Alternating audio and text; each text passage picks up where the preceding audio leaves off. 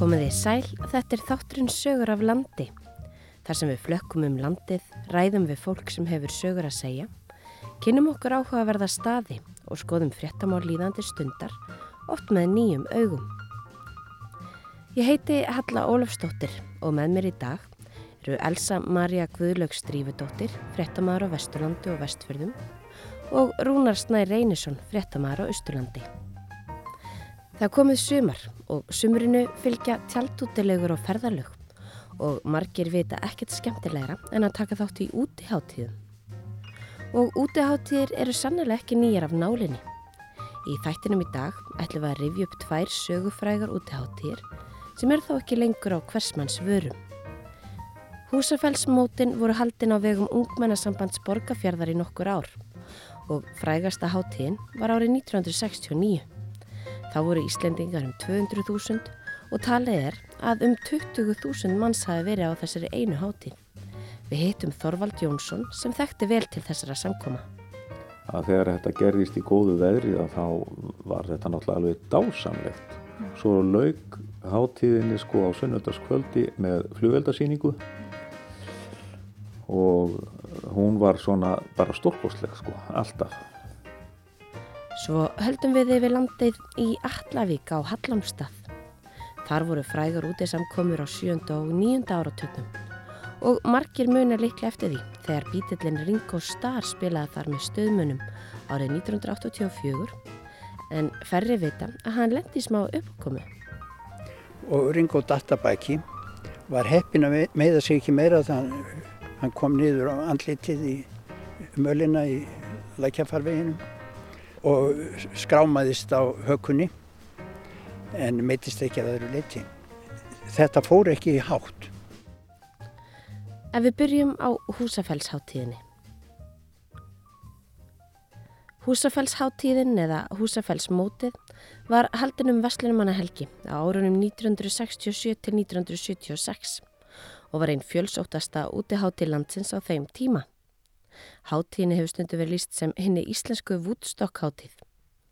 Háttíðin var haldin af ungmennasambandi borgfyrðinga og margir lögðu hönd á bló.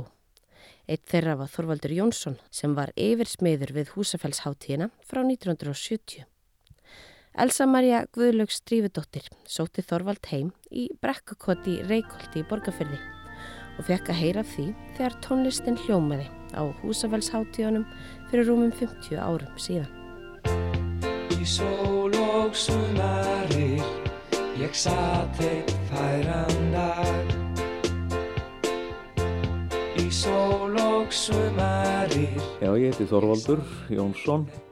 Og var fættur hér í Reykjóldi árið 1949 þannig að ég fættur fyrir miðja síðustu öld. Og ég veit ekki hvað ég á að tíunda mikið af, af því sem ég svona mín skólaganga var hér í barnaskóla á Kreppjásverkjum og síðan í síðan í Reykjóldsskóla og það fer ég svo í yðinskóla og klára þar húsasmíðanám. Og, og svo kemur þið hingað aftur heim? Já, Já, ég kem hingað heim aftur uh, 1970 Þannig að í sambandi við húsafellsmótin þá tengist ég þeim ekki mjög mikið fyrstu árin en það var nú þannig að ef maður kom á háttíðina þá var maður mjög gætna grepin í eitthvað annarkort fyrir sambandið, félagið eða, eða björgunarsveitina mm -hmm. og þetta fannst manni það bara sjálfsagt og skilt að, að reyna að bregðast við því. Mm -hmm. Þannig að það voru allir munstræðir til leiks eða þeir voru hér? Já, ef, það náðist í þá, þá, þá voru þeir munstræðir til leiks. Nú en uh, uh, forsaga þessara móta er svo að þarna var að árið 1967, held ég færi rétt með, þá fær stjórn ungmennasambands borgarfjörðar heimil til þess að gangast fyrir út í samkomi í húsafelli. Áður höfðu bindindismenn verið þarna með sumarsamkomu en það var á öðrum stað, það var inn með kaldá. Nú þessi mót urðu náttúrulega eins og sagan segir bara mjög vinsæl. Ég held að það hafi verið talið að verðum 7000 manns á fyrsta mótinu mm. og 1969 er talið að um 20.000 manns hafi verið í húsafelli mm. á þessari samkómu. Mm. Það er svona hægt að ímynda sér að húsafell hafi alveg umbrist á þessum dögum sem að þetta átti sér stað. Jú, jú, það er alveg hægt að ímynda sér það. Þetta sá fólk sem kom þarna að náttúru fegurðin er þarna alveg einstök. Og uh, það er ráðist í það að, að útbúa þarna svæði. En það er svo aftur uh, 1970 þegar ég er komin heim aftur að þá er ég uh, beðin um að vera svona yfirsmiður þarna fram í húsafelli. Þetta er sennilega 71 því að þá var komið að því að það þurfti að endur nýja eitt danspallin og svo var alltaf heilmikil undirbúningsvinna í kringum mótin. Þetta var mjög svona friðsælt og, og gott til að byrja með en því miður svona þegar að leið á þá fór umgengni fólks að, að breytast svolítið. Þetta var talsverð ölfun þarna setni partin af þessum mótum. Lögreglan brást við því með því að láta okkur smíða sérstaklega tollskíli. Mm. Það sem allir sem komu með rútum, þeir þurfti að fara í gegnum þetta með sem farangur mm. og þar var leitað að áfengi. En eh, í engabílunu var lögreglan bara að leita út á vegi. Lögreglan hafði aðstöðu í gamla bænum í húsafelli og þar var innréttað uh, svona tukthús í, í kjallaranum. Þannig ef að menn voru mjög óstýrilátir og, og, og ölvaðir að þá þurftu þeir að svona láta renna af sér svolítið þar. Sko. Mm -hmm. Í sjómasfrettum um Vestlunumanna helgi 1972 var tala við Hörð Jóhannesson, lauruglumann, um hátíðahöldin í húsafelli. Hvað er margt fólk hérna núna, Hörður? Já, ég get nú ekki sagt alveg um það, ég vil nú helst ekki láta hafa neina tölur eftir mig hérna, það er svo misfærið með þetta. En ég hefði haldið að það væri svona millir 7-8 þúsund manns. Það hefur verið talað um 10.000 heldur að þessi óreiknað. Já, ég vil ekki segja neitt skröku að því en ég svona, hef ekki trú á því. En eh, hvernig hefur ástandið annars verið hérna á, á samkominni? Hefur... Já, ástandið hefur verið mjög gott. Við, eh, jáfnvel svona með því albesta sem við hefum haft hérna, það er eh, og sérstaklega ábyrgandi með unglingarna núna að þeir virðast vera bæði betur til fara og snirtilegri og framkoma þeirra yfirleitt mikið betri hér heldur en áður. Ölfun minni hjá þeim, mikið minni, mm -hmm. til dæmis að voruð við í fyrra þá er þetta eh, eins og allt önnum samkoma. Já, við sáum það hérna áðan að það er mikið, mikil áhersla lögð á það að leita í bílónum. Eh, hafið þið gert mikið vín upptakt? Já, við hefum gert eh, mjög mikið vín upptakt. Ég, hef ekki tölun á því ennþá en ég veit ekki sennilegt að það sé ekki minn en 400-500 flöskur sem við erum með sem við hefum tekið okkar vörslu svo við verið held niður heilmiklu sem unglingandur eru með. Já, er held niður þá því sem tekið er af, af uh, fólki undir lögaldrið eða hvað? Já, já, við hellum því niður að vísu gerum nú ekki mikið að því að hella niður á teknu en, en átekið sem við erum með því hellum við bara niður, það er ekkert annað við það að gera. En hefur allt verið svona með ró og spekt hérna á svæðinu, ekki árið neins slís hérna? Nei, ég veit ekki um neins slís sem hættir að tala um. Það hefur voruð hérna tvær eða þrjár bílveltur, eh, einn eh, ef mann rétt hér inn á svæðinu og, og tvær hérna syngur megin við okkur, önnur Kaldadalsmegin og hinn hérna fyrir vestan okkur, en það hefur ekki orðið slís af því. Og uh, það hafi verið nokkuð tilvillig, sennilega fjögur fimm sem hafði um tekið fyrir ölfum vextur. En hvenar eh, áætliði svo að mestur hluti fólksins fari að halda heimálið? Það fer nú alltaf eitthvað að týnast í burtu eftir dansleikin í kvöld og jáfnvel eh, fjölskyldufólkið fyrir dansleikin en eh, aðal rennir í hérðan í burtu er nú um og upp úr háti á morgun. Og, og, og venjulegu orði svona nokkur hreint af þessu samgóðum fólki já svona um kvöldmæntanleitið á morgun. Þannig að það er yfirleitt bara allt gott um þessa samkoma Já, ég er, er mjög lukkulegur með þetta og, og hérna það hefur verið lögð mjög mikil vinna í, í áfengisleitina og aðal vinna lögjæslu mannana sem eru hér um 35 hefur verið áfengisleit og aftur áfengisleit og það hefur borið þennan árangur að, að samfara betri framkomu unglingana núna og betri útbúnaði, snittirlegri fatnaði og annað að þá er þessi samkoma mjög ánægileg. Takk fyrir. En aftur í brekkukott til Elsumarí og Þorvaldar. Var þetta, var þetta alltaf á föstum tíma á hverju ári? Þetta var alltaf um Veslunumannahelgi. Já, emmi. Það var all, alltaf þá var sem sagt hátíðinni lauk á sunnudagskvöldi. Fólk voru að koma á förstu degi. Sumir komu fyrr og eitt af því sem að lögreglan gerði, hún hafði óenginnisklættan mann þarna í sumarbústaðu eða einhverju slíku svona hálfa mánuð áður. Hann tók sitt sumarfrí þar sko til að fylgjast með því hvort að fólk væri að koma og, og grafa áfengi. Nú, Og einhver tíma kom það upp að þegar að maður ætlaði að vitja um sopan sinn, þá var búið að tjálta ofan á hann. hann hefur ekki beðið viðkomandi að færa sig. Ég vissi ekki hvernig því máli lauk en, en það var allavega, sennilega hefur hann og orðaða við hann hvort það væri til í að færa tjaldið aðeins. Sko. Af því að þörf þorstin hefur verið mikill mm. og sárt að sjá að, að, að fólk að liggja ofan á áfengisbyrðunum. Það sem að eftir lifiði móts. Það hefur verið svona eh, kannski ljúfu söptstæður að liggja á svona gulli. Já, að sjálfsögðu, það hefur verið, ég vissi ekki hvort að, voru, hvort að varða að láta hann hafa einhverja prósentu af því sko, en, en það er, þetta er bara getgáta hjá, hjá mér. Nú, en svo hitt að auðvitað var sko allur þorri mótskesta til fyrirmyndar Já. eins og alltaf er sko. Og það hefur allt, alltaf tíð verið sagan að, að, að það eru fáir sem að búa til svona ástand. En þarna voru komnir þrýr uh, danspallar. Það var í Hátíðalundi og það var í Paradís og Lampúslind. Það voru fengnir mjög góðir skemmtikraftar. Þetta var eiginlega bara rjómin af skemmtikröftum og hljómsveitum sem að þarna kom og leik og minnistæðastir eru náttúrulega Ingimar Eidal sem var þarna lengi eins og, eins og konungur bara og hljómsveit hans. Nú Björn. Einarsson manni eftir, það var þarna Ólafur Gaugur, Trúbrott, því að það var alltaf leitast við að hafa sko unglingar hljómsveitir líka með og, og það sló virkilega í gegn þegar að Trúbrott kom þarna og, og æslaðist mikið.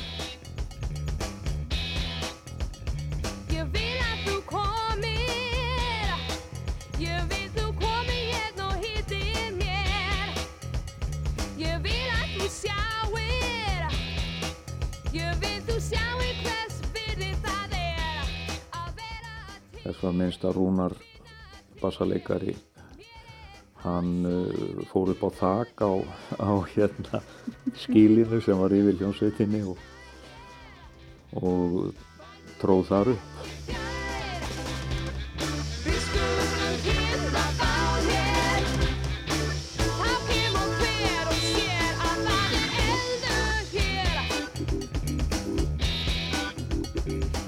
En uh, svona gegnum sneitt að uh, þá var þetta ljúf og góð minning en síðustu árin þá dró verulega úr aðsókninni og sumir kendu nú uh, harðræði lögreglunar um að það væri gengið svo harkalega eftir því að, að fólk væri ekki með áfengi.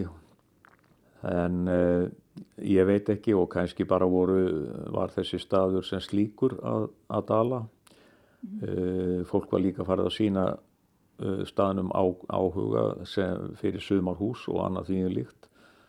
Og Kristleifur var farin að byggja upp aðstöðu, sundlaug og annað því líkt sem að laðaði fólk ennú frekar að. Nema að þeir þau sopna þarna síðasta mótið er 76 og þá var uh, bara reynlega taprekstur held ég á því ef ég man rétt, ég man að félögin voru að ná sér í pening til þess að borga borga upp tapið að hjálpa sambandinu sínu til að til að komast frá þessu. Og í framhald af þessu þá lögðust þessi mót niður. En þarna voru heilmiklar byggingar fyrir utan danspallana, þar voru söluskúrar þar var svona aðstæða fyrir mótstjórn og, og, og fleira og fleira sem að ég man að ég var að smíða þarna svona út í kamra sem að sem að þóttu nú svo sem ekki, ekki físilegir og, uh, og með svona umgengni náttúrulega um þá að hún var kannski ekki heldur til fyrirmyndar. En það hefur verið heilmikil smíðavinna í kringum þetta. Já, já, já, já. Og þá, já, ég man þegar við endur nýjum pallin í, í hátíðalundi, sko, að þá bara kom hópur manna, ég gerði bara klárt, þannig að væri hægt að gangi að, að klæða pallin og, og, og svo komu, það voru 10-15 manns bara í því verkefni bara að klæða og hann var klættur á einu, einu kvöldi, sko. Já. Geysilega stór og mikill pallur. En þetta var einmitt svona eh, eh, samfélagsverkefni og svona grásrótarverkefni að halda þessa hátíð. Já, þannig, þetta var náttúrulega græsróta verkefni þannilega að, að eh, reyna að fjármagna starfsemi ungmennafélagana og sambandsins í heild. Að eh, það var náttúrulega stór þáttur í þessu. Við það fór, ungmennasambandi fór að verða megnugt að gera mun meira heldur en, heldur en áður var meðal annars tók það sér að halda landsmótuð MFI á Akranissi, ég held að það hafi verið 75 en þarna uh, hverja þessi húsafellsmót, þessar sumarháttíðir þetta var reynt aftur 1987 en það var ekki framhald á því. Þá gengust björgunarsveitin hérna ok og ungmennasambandið í, gengu í samstarfið stuðmenn og þarna var haldinn uh, útiháttíð mun framar, ekki á sama stað sko, mun innar. Uh, og þetta er bara eitt ár og gekk svona þokkalega en af einhverjum orsökum þá var ekki framhald á þessu. Þetta hefði þurft að byggja þarna mun betur upp. Þetta er gert þarna með bara nokkur á mánaða fyrirvara að fara í framkvæmdir þarna koma upp salernum og, og danspalli, hljónsveitarpalli og öðrum því líku þannig að þetta svona það má segja að þetta hafi sloppið fyrir hotn að undirbúningur en, en það hefði þurft mun lengri tíma ef að vel hefði átt að vera sko. Það er einmitt e, e, þetta sko að, fa að fá allan þennan fjölda hingað upp í borgarfjörðin. Hvernig hérna tilfinning var það að fá að það væri svona mikið fólki að sækja sveitina heim? það var í sjálfu sér bara út af fyrir sér góð tilfinningu þetta hafði maður áhyggjur meðan á mótsaldi stóð að, að eitthvað gæti komið upp á sem að, sem að er því illviðráðanlegt. En með samhælni þá man ég ekki eftir neinu stóru. Þetta auðruðu þarna uh, slís og óhöpp. En uh, það er ekkit sem stendur upp úr hjá manni í minningunni. Það voru þarna í gangi prímusar sem að höfðu eitthvað óorð á sér að þeir lágu Já. og þegar að fólk kom í tjaldið sitt að þá byrjaði því að kveikja á kveikjara en þá var tjaldið fullt af gasi. Og það sprakk bara í loft upp og þá voru nokkur slík brunasli sem að komið þarna fyrir manni eftir en uh, það var ekki, ekki döðsfallið en eitt af því, þeim sögum sko. Ég vona að þú viljir Lofa mér að hitta þér Því ég vil vera til það hefur verið mikið gaman og, og mikið fjör sem fylgdi þessu. Þetta var geysilega gaman sko. Það, þetta, var, uh, þetta var vandað svo til þess þessir menn sem höfðu fórgöngu um þetta þeir einsettu sér að vanda til allra dagskrár, alls undirbúnings og síðan alls frágangs eftir mót. Og ég, ég er sem sagt viðlóðandi þarna við undirbúning og frágang uh, frá 1970 eða 71, ég er ekki alveg það fennir í spórin sko. En uh, þá, þá er ég mjög mikið viðlóðandi þetta þessi mót.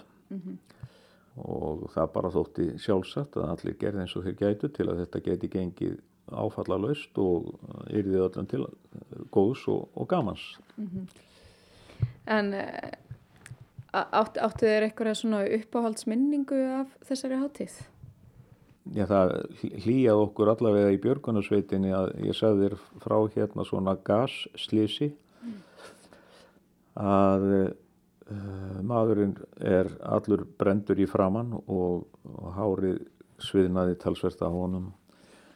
Það var pöntuð flugvél upp á refstaði sem að þá var svona skyndiflugvöllur en það var farið að kæla mannin strax niður. Bæði hendur og andlit sem að hafiði orðið vest úti. Að síðan fylgir einn björgunarsveitamaður þessum manni suður á spítala og uh, þeir luku lofsorði á þennan, þennan þessa fylgd og uh, ég man ekki hvað það var nokkrum mánuðum setna sem að móðir drengsins eða mannsins skrifaði björgunarsveitin og þakkaði fyrir að það sæi ekki á honum mm. það hefði orðið svipað slís á öðrum stað á landinu og hann bæri þess sennilega líti alla æfi sá maður þetta er svona minningar sem hlýja manni rosalega mm -hmm. að þarna hafi tekist svona óskaplega vel til en það er auðvitað sko björtu minningarna að lifa að vera þarna, sitja þarna í hátíðalundi til dæmis á á uh, lögatags eða sunnudagskvöldi þá var kveitur varðeldur þarna og setjuð og sungið og einhver fengið til að stjórna þessum almenna söng að þegar þetta gerðist í góðu veðri þá var þetta náttúrulega alveg dásamlegt. Svo laug hátíðinni sko á sunnudagskvöldi með flugveldasýningu og hún var svona bara stórkostleg sko, alltaf. Það var flugveldasmiðjan á Akarnesi sem sjá, sá um þessar sýningar alltaf mm -hmm. og uh, þetta var stórkostlegt og svo voru bara samskiptin við skemmtikrafta, þeir voru ánægulegir upp til hópa alveg reynd og, og hann Ingimar Eidal, hann var alveg einstakur, einstak ljúmenni sko, það var allt sjálfsagt, það var alveg sama. Einhver tíman vildi einhver hljómsveit, henni fannst það óréttlátt að Ingimar Eidal væri alltaf í, alltaf í hátíðalundi og það er orðað við Ingimar hvort hann sér til í að flytja. Alveg sjálfsagt, elskuta mínar, ekkert mál. Og hann fer þá niður í Paradís sem var annar pallur, kannski ekki eins svona mikilfenglegur en þá var bara flest fólki þar. Að, að því að þeir spiluðu svo uh, bara músík sem allir gáttu unað við sko, og, og skemmt sér við. Þetta var þetta var indislegt að að eiga við. Og já, það eru bara ljúvar minningar frá þessu. Í sól og sumarir ég satt og horfi á. Reykna þrasta móður mata unga sína. En maður svona færði á tilfinninguna að þeim eitt samfélagina hafi þótt svolítið vænt um þessa hátíð. Já, þetta náttúrulega beindi aðtiklinni að það glumdu við auglýsingar sko í útvarpi og það var þannig að ef að veginnir voru þurrir hérna upp eftir þá setti strikið ekki. Nei. Ég uh, náttúrulega var að hjálpa pappa í heiskap á þessum tímastundum á sömrið sko og það var ansi mikið rík þarna á túnunum í kringum veginn. En það var bara stanslausu umferð, en það getur maður ímynda sér það, 20.000 manns þarna 1969-70 eitthvað svo leiðis, sem eru sennilega mann flestu mótinn. Að mm, það hefur þurft ansi marga bíla. Já. Og Sæmundur náttúrulega sá um sætaferðir úr Reykjavík og hann var með fleiri, fleiri bíla alveg í stanslausum ferðum. Fyrst að koma fólki á staðin og svo aftur af staðnum.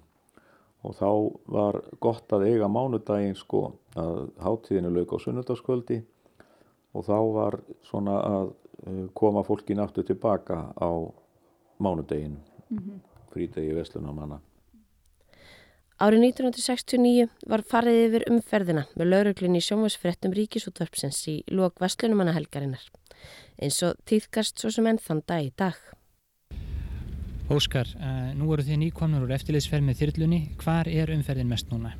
Hún er mest á Vestlandsvegi. Við erum búin að fara núna um Kaldadal og Lundareykjadal og Uxarsíki, Hestháls og síðan Vestlandsveg og um Kvalfjörð og eh, umferðin liggur öll um Kvalfjörð.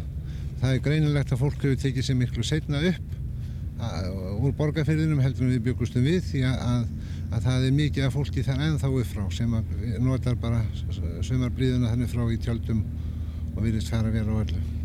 Nú segir upplýsingaskrifstofan ykkar að eitthvað á fjórða 2000 manns hafi verið á þessum fjölsóttu samkominnsstöðum um helgina. Er þetta ekki einhverja almesta umferði sem umgetur um Vestlunumannahelgi? Jú, það má segja, og, en það hefur bara farið þannig að, að hún hefur dreifst mjög mikið því að þetta byrjaði strax á förstu daginn að fólk fór að fara úr bænum og borginni og það hefur verið alla tíð síðan eiginlega einstefna austur og vestur, þó mest vestur. Hverju teljið þið sem hafa nú stjórnað þessari miklu umferð að megi þakka það að eh, hver vel þetta hefur gengið og nær algjörlega slisalöst og alveg stórslisalöst? Já, það er eh, náttúrulega fyrst og fremst ökumönunum sjálfum að þakka hvernig þetta gengur og svo það að það hefur sínt sig um Vestlunumannar helgar að fólk gefur sér miklu betri tíma til þess að ferðast um Vestlunumannar helgi heldur um, um hinnar helgarna þegar þeir eru að skjótast eitthvað og ætla sér kannski ekki af um það hvaða kemst langt á þenn tíma sem það ætla sér. Ég held að það sé nú mikil og svo er það náttúrulega óneitanlega það að síslumenn og vísvegar um land þeir hafa lagt mikla áherslu á það að auka löggjæslu hver í sínu umdæmi og laurugstjórn í Reykjavík hefur stjórna vegalöggjæslu sem er með, við erum með 14 bifræða hér í næstveitunum og það er gert í fullu við, samráði við síslumennina á viðkomandi stöðum. Þetta allt og hjálpast til að, að gera umferðina örugga og greiða því að, að það er ekkert sem er enn komið til sem getur komið í staðin fyrir sínilega löggjæslu þar sem lauruglumenn sjást og fólki verður vartið að þeir eru við veginn. Takk að fyrir. Það er einmitt 20.000 manns meira að segja í dag er það þó nokkur hluti af þjóðinni Já, þannig að já. þetta hefur veitt öðrum út hátíðum hérna harða samkeppni. Já, já, já, já, já, það gerði það. Þetta var, var öruglega á þessum tíma sko einhver fólks flesta samkoma. Þetta var hérna eigaháttíðin, hún tók alltaf til sín, sína föstu kuna og á sama tíma þá eh, voru ímis svona samtök með útiháttíðir hér og hvar um landið. Mhm. Þannig að eitthvað hefur uh, farið frá þannig að, en ég veit það ekki hvað er hægt að giska á að margir hafi verið á Haraldsfæti einmitt um Vestlunumanna helgina en uh, þá var þetta líka frítagur Vestlunumanna sko sem Mhm. að og Vestlanir kannski ekki opnar eins og í dag en það eru 50 ár liðin frá 1970 sko. Já, einmitt. En uh, akkurat uh, það, það var reynd að endurvekja hátíðina þarna 87, það hefur ekki komið til tals aftur. Nei, það kom ekki til tals aftur sko og ég reikna nú með að ég innviklaðist talsvert í þá hátíð því að ég var framkvæmdastjóri þá Mhm. og uh, ég held að menn hafi bara gert sér grein fyrir því að ef þetta átt að verða til frambúðar þá þurfti að gera miklu meira fyrir svæðið. Mhm. Það er- var líka annað að uh, sko umgengni sumra mótgesta Mhm. Hún var alls ekki til fyrirmyndar sko. Og það þurfti að taka fólk úr umferð. Mhm. það voru uh, svona þjófnaðir að stela úr tjöldum. Og þá minnist ég þess að uh, einhver tíman 60, eða um 1970 sko þá var aðeins farið að bera á þessu. Mhm. meðan að gömlu mótin voru að fólk var kvart til þess og þótti mjög sniðugt að vera með hengilás og læsa saman öllum rennilásunum framan á en það stóð ekkert fyrir neinum því að þeir bara, tja- tjaldið var þá bara skorið. Það var betra að skilja það eftir opið Mhm. því að annars var tjaldið líka ónýtt. Já, einmitt. þetta eru svona dekkri hliðarnar á, á þessu en, en auðvitað beindi þetta aðtikli að borgarfyrðinum og, og, og svæðinu hérna og húsafelli. Og það er heldur betur orðin umbreyting á húsafelli frá þessum árum sko þegar þessi mót er að byrja þarna 1967 Mhm. það, er, það er ekki sama landslag Nei. En það er alltaf, alltaf vinsalt að koma hingað að sumrinu. Já, já, það er sko, maður heyrir það að, að það tvöfaldast íbúafjöldin hér á sumrin Mhm. og sumarhelgar er hann kannski þrefaldur eða eitthvað svoleiði sko og það hefur mikið verið uh, kvartað um þetta bæði löggæsla og, og heilsugæsla sem að þetta verður hálfgerð sprengja svona nokkrar helgar á, um, yfir sumarið. Og eins að fólk er bara í sínum sumarhúsum út um allt hérað.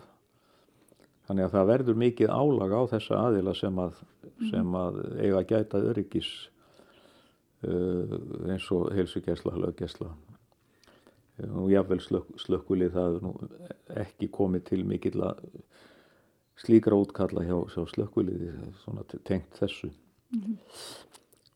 En borgarfjörðurinn er greinilega vinsæll sumadvalastaður og það hefur byggst upp hér aðstafa á ýmsum stöðum sem að laðar fólk að. Eh, þegar ég var aðlast upp þá hefði maður síðasta öllu látið sitt þetta í hugsundlu í húsafelli sko. og hann er komið hótel í hæsta klassa og, og eh, eitt og annað sem að var fjarrætt draumur sko 1960 eða eitthvað svo liðis Mhm. þá, Uh, já, ef, ma maður getur kannski gert sér svona í hugarlund þess að tjaldborg sem var þá tónleika fjör. já, já, ég get alveg síðana fyrir mér Já. ef maður kom fram á, á, á hæðina við Hraunsás til dæmis að horfa fram í skógin þá var hann flekkóttur sko. það Já. var allir litir á tjöldum sem maður sá og þetta var út um allt bara Það var og er fjör hérna í borgarfjörðinum. já já, það held ég ég held að sé bara ágætt Þorvaldur, takk fyrir að reyðja þetta upp með mér. Sömuleiðis, takk fyrir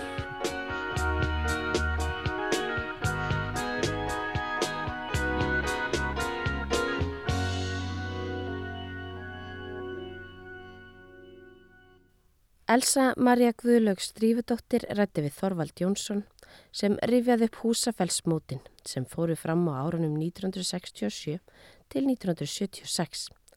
Þá heyrðum við í hljómsveit Ingimas Eidals og hljómsveitinni Trúbrott sem tróði mitt upp á fjölmennasta húsafellsmótinu árið 1969. Og við höfum ekki sagt skilið við útiháttíðnar. Við ætlum nú að bregða okkur austur í Allavík á Hallamstað. Rúnar Snær Reynisson fór í bíltúr með Magnúsi Stefánsinni sem var likil maður í að skipuleggja frægar útisamkomur í Allavík bæði á sjönda og níunda áratögnum. Þeir byrja á því að leita upp í staðinn þar sem starðarinnar svið var byggt í skójunum en er nú horfið. Hann var ábyggilega hér. Nú erum við stattir hérna þar sem danspallurinn mikli var. Þessi stóri pallur hann var reistur hérna fyrir allavíku samkomin 1984 og það var skóræktin sem reisti þennan pall. Náttúrulega á gömlu allavíku samkominu var dansað í skála, herskála. Það, þeir stóðu tveir hérna, annar var veitingaskáli og dansaði hinnum. Síðan voru svo reisti pallar bara fyrir samkomuna og, og þeir voru svo ripnir aftur samkominu lokinni. Þar til skórættin byggði þennan stóra pall hérna 84. Já, það hafa margir heyrt talað um allavíkur samkominnar og það er náttúrulega voru frægar hérna á nýjunda áratugnum og ekki síst þegar Ringo Starr kom í heimsókn og spilaði á trommur með stuðmönnum. En þú ætlar að segja okkur aðeins frá þessum gömlu allavíkur samkomin sem voru þar áður. Já, ég hef nú ekki, ég hef það nú ekki á reyðum höndum hvenar var byrjað þetta samkomihald hér. En, en það var skóræktafélag Östurlands sem var með samkomur og svo framsóknarmenn líka, framsóknarmenn á Östurlandi. En ungmenn á Íþróttasambandi Östurlands var svo með nokkra samkomur á sjönda áratugnum, fyrst 1961. Þessar samkomur, þessar gömlu, þær voru fámennar, menjulega svona 2-3.000 manns. Já, það var erfitt að halda samkomur hérna áður fyrr því að það vantaði eiginlega allt til alls. Það var ekki rafmagn og ekki símasamband hérna eða neitt. Það þurfti að fá rafstöðvar að og það var nú reyndar líka á setni samkomurum á nýjunda áratugnum. Og þetta áttu að vera bindindis manna samkomur eða hvað? Það var prófað 1965. Það var samkoma sem ungmenni og íþróttarsamband Östurlands var með. Það, það var verið að reyna að takmarka eitthvað vínið sem fór inn á svæðið og það var nú ekki vinsælt að það var leitað það var leitað að víni og gert upptækt leitað í bílun fólks það var náttúrulega að vonum mjög óvinsælt Og beittum henni einhverjum bróðum til að koma vín inn á svæðið? Hafið þið einhverja sögur um það? það kom nú ýmsa sögur um það, jú, einhverjir reyndu það. En eh, og það fór að stað sögur um að menn hefðu komið hér fyrir samkomuna og, og grafið jafnvel vín í jörðu. En það eru held ég íktar sögur, það eru bara flökkusögur. Og einhver kom nú upp um sig þegar hann velti bílnum sínum á leiðin á samkomu. Manst þetta er því aðtveki? Já, ég man eftir því, ég sá, sá bílinn, hann lendi tjörn hérna utar í skóginum, hún nefnist Klif tjörn og þetta var jeppi og hann lendi á kvolfi í tjörnina og þá kom í ljós brúsi með vín í sem hafði verið bundin neðan í bílinn. Bara skemmtilegt að verða vitnið að því. En ég held að auðvitað hafa einhverju komið víni inn en ég held að sögurnar hafi verið mjög íktar af því. En svo verður eitthvað hlý á þessum háttíðum og, og, og, og það er hefjast að nýju. Já, ungmenn og íþróttasamband Östurlands, það gerði samkomulag við skórektina um nokkra samkomur á nýjunda áratögnum. Fyrst 1981, 1981 og 2 voru haldnar samkomur bara freka fámennar, svona stíl við þær gömlu. En 1983 var haldið mjög fjölmenn samkoma með 5.000 gestum. Og það var fyrsta stóra samkoman. Og var það þá sem að pallinu var byggður eða hvað? En Ekki þessi varanlegi. Hann var ekki byggður fyrir, en, fyrir samkoman 1984. Samkomuna sem var frægust vegna komu Ringo Starr. Og árið 1984 let Bói Ágústsson sig ekki vanta í Allavík og sagði svo frá í sjómasfréttum Ríkisúttarpsins. Eitt sinn var sungið romantist um Nótt í Allavík. Þetta er Nótt í Allavík 1984 og ekki vanda það að veðrið sé nógu fallegt og romantist og hér má raunar sjá romantíska senur og aðrar sem eru minna romantískar. En það má ekki glema því að þar sem 6.000 manns eru samankomnir, flest unglingar innan við tvítugt og allir starfánir í því að skemmta sér eins vel og þeir geta, að þá fer kannski ekki alltaf allt eins fram og ströngustu síðapostular myndu kjósa. Nú þessa aðra nótt út í skemmtunarinnar í Allavík er okkur hér ekki kunnugt um neyn alvarleg slís á fólki og það eru kannski ekki öll 6.000 manna samfélag á Íslandi þessa vestlunamanna helgi sem geta státaðar hinnu saman. Sagði Bói Ágústsson í sjómasfréttum um Vestlunumannahelgina 1984 og fólk flykti stað til að sjá Ringo Starr. Hvernig bar það að að hann kom til landsins og, og spilaði hérna með stöðmennum? Það var hugmynd stuðmanna. Þeir voru nú lengi frumlegir í hugsun. Þetta var þeirra hugmynd. Ungmenn og Íþróttsamband Östurlands tók þessu bara jákvætt. En þeir sáu um framkvæmdina, þeir útvöguðu þennan gest. Buðu honum hingað.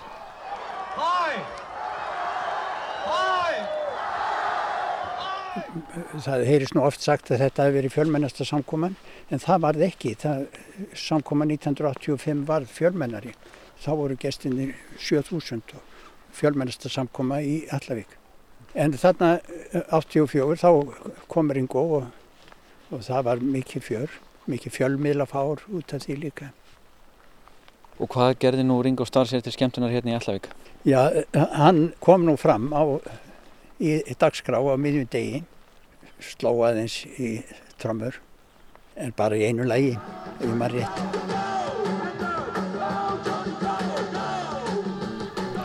En já, það var nú ýmislegt, það var verið reyna að hafa svona eitthvað ofan af fyrir honum. Til dæmis fóru þau hjónin í ferð með á hestum.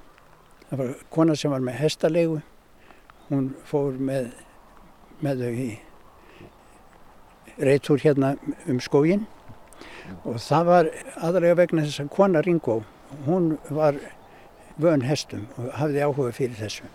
Þetta var hennar hugmynd. En þessi hestaferð, hún uh, fór nú kannski ekki alveg eins og menn ætliðu? Já, þú ert að vísa til þess sem hefur ekki farið mjög hátt að Ringo hefði dottið að baki. Mm -hmm. Er það sem þetta fisk eftir? Já. Jú, það gerðist. Hann var það óheppin kallinn. Hestur hans nöyð þegar hann fór yfir lækjarfarveg og Ringo datt að baki. Var heppin að meiða sig ekki meira þannig hann kom niður á andlitið í mölina í lækjarfarveginum og skrámaðist á hökunni en meittist ekki að öðru leiti. Þetta fór ekki í hátt. Konan sem var með stjórnaði hestalegunni, hún sagði mig frá þessu bara setnum daginn. En við vorum svo heppin að fjölmiðlamenninni mistu af þessu. Þeir gátt ekki fyllt ringu ettir í, í skóginum. Þeir voru bara gangandi fjölmiðlamenninni. Þeir hefðu þurft að vera á hestum líka. Svo þeir mistu af þessu og það var minna fár út af þessu fyrir vikið. Og þetta var nú kannski eitthvað sem að Ringo Starr vildi ekki láta fréttast um sig. Var, var hann ekki nýbúin að leika í kúrikamynd? Já, það, ég manna ekki eftir því. En ég held að það hefði nú komið í ljós þarna að hann hefði nú ekki verið vanur hestamæður. En konans var vön hestum. Vildu að þið værið í einum risastórum skó? Allavík er í rauninni stór skór. Við komumst öll fyrir hér í kvöld og við ætlum að ganga vel um þennan skó. Stór skór, stór skór,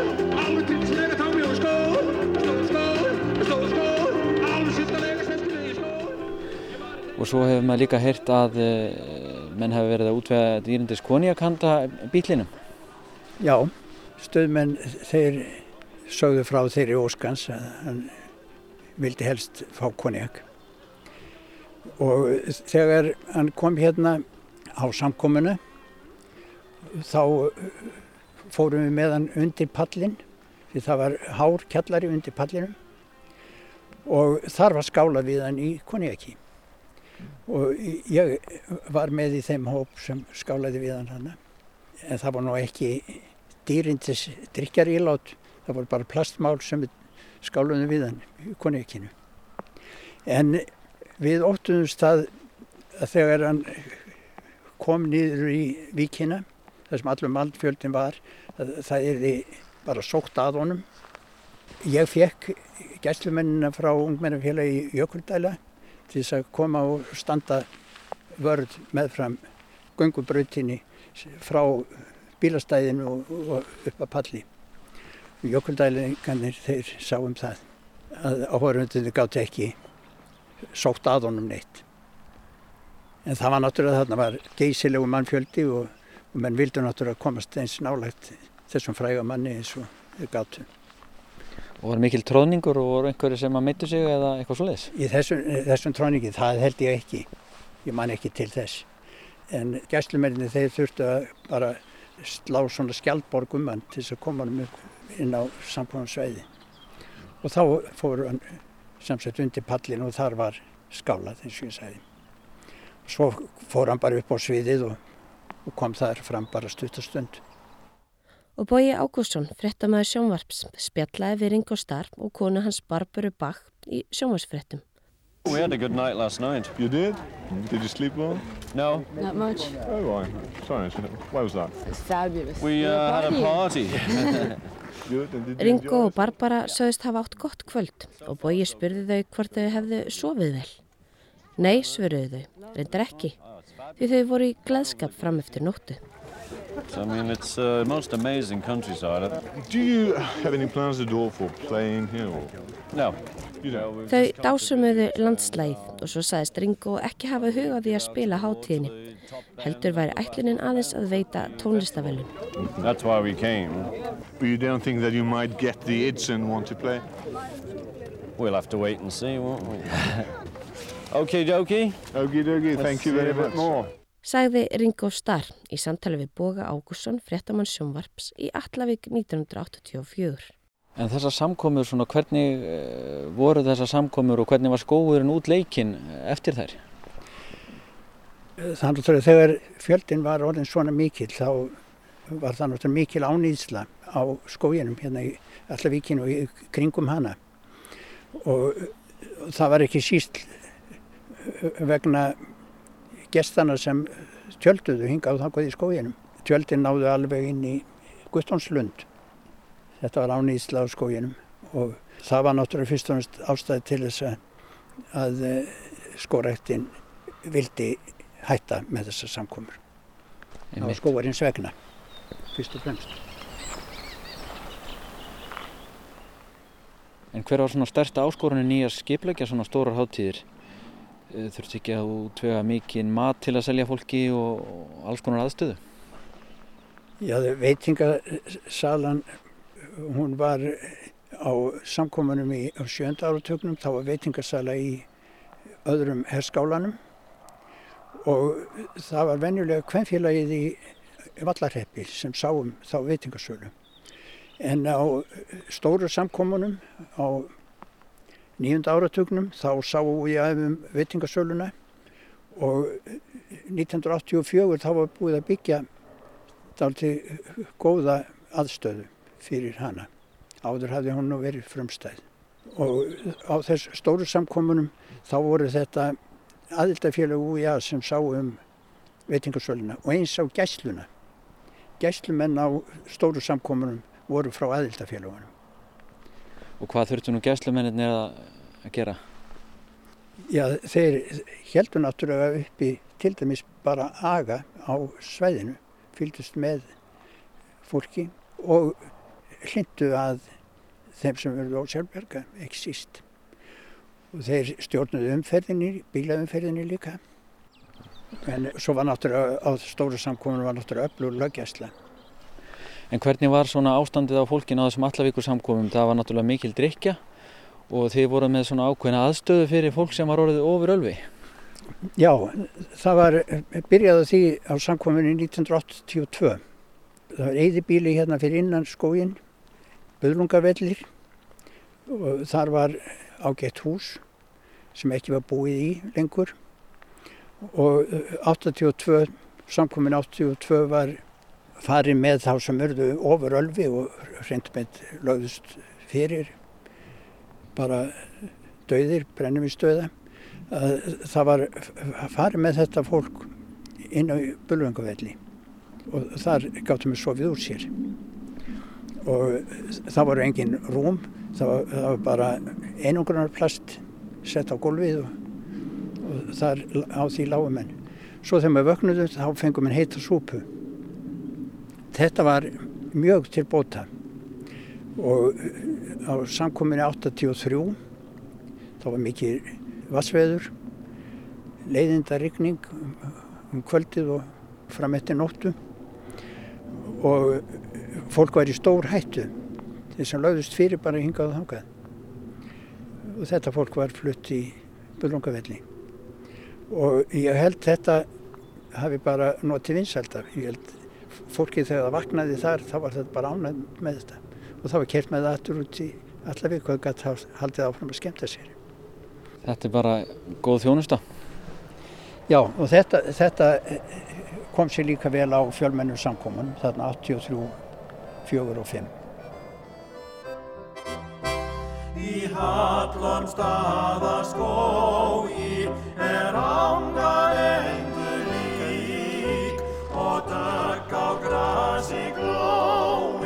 Hérna sjáum við fyrir framann okkur svona klósettkamra sem að tilheyra tjálstæðinu hérna í Allavík núna en, en, en þetta leiti allt öðruvísi út hérna á sjönda áratögnum.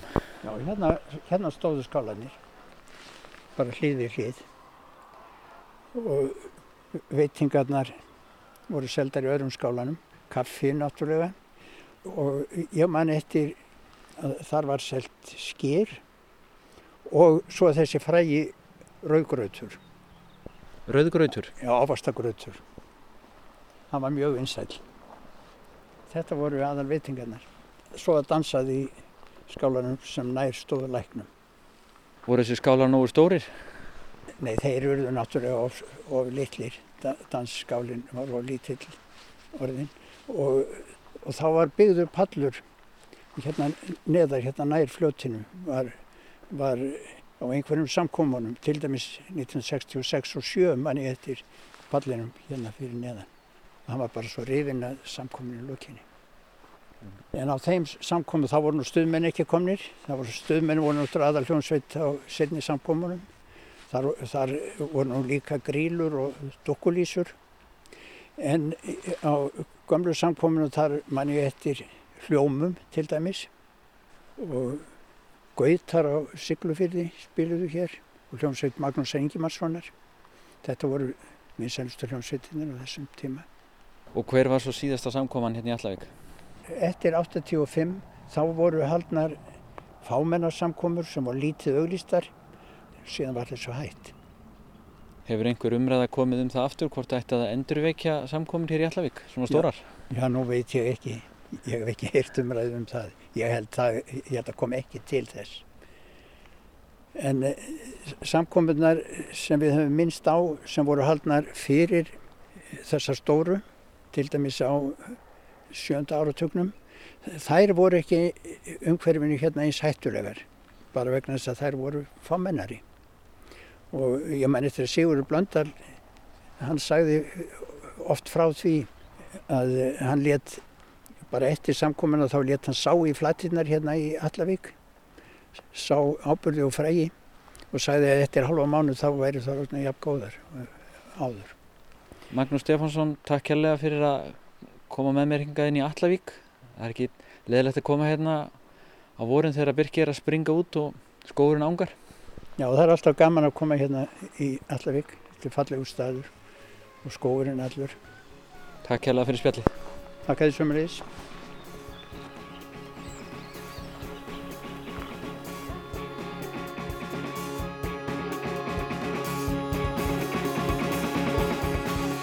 Rúnar Snær Reynisson rætti við Magnús Stefánsson sem sagði honum frá samkomunum í Allavík og af komu Ringo Starr 1984. Þá heyrðum við í gömlum fréttaklippum frá hátíðinni. Lægið Allavík 84 er með hljómsveitinni í Rúm.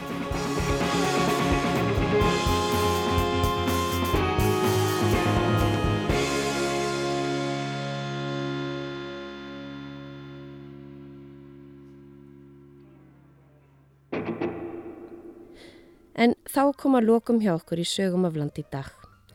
Auk þess að fara í bíltúr með Rúnari Snæði Reynisinni og Magnúsi Stefánsinni rætti Elsa Maria Guðlaug Strífudóttir við Þorvald Jónsson sem rifjaði upp húsafellsháttíðnar á 7. og 8. áratögnum og reyndar eina til viðbútar á þeim nýjunda. Teknum að þáttarins var Jón Þór Helgason. Við þökkum þeim sem hlýtu, leifið heil.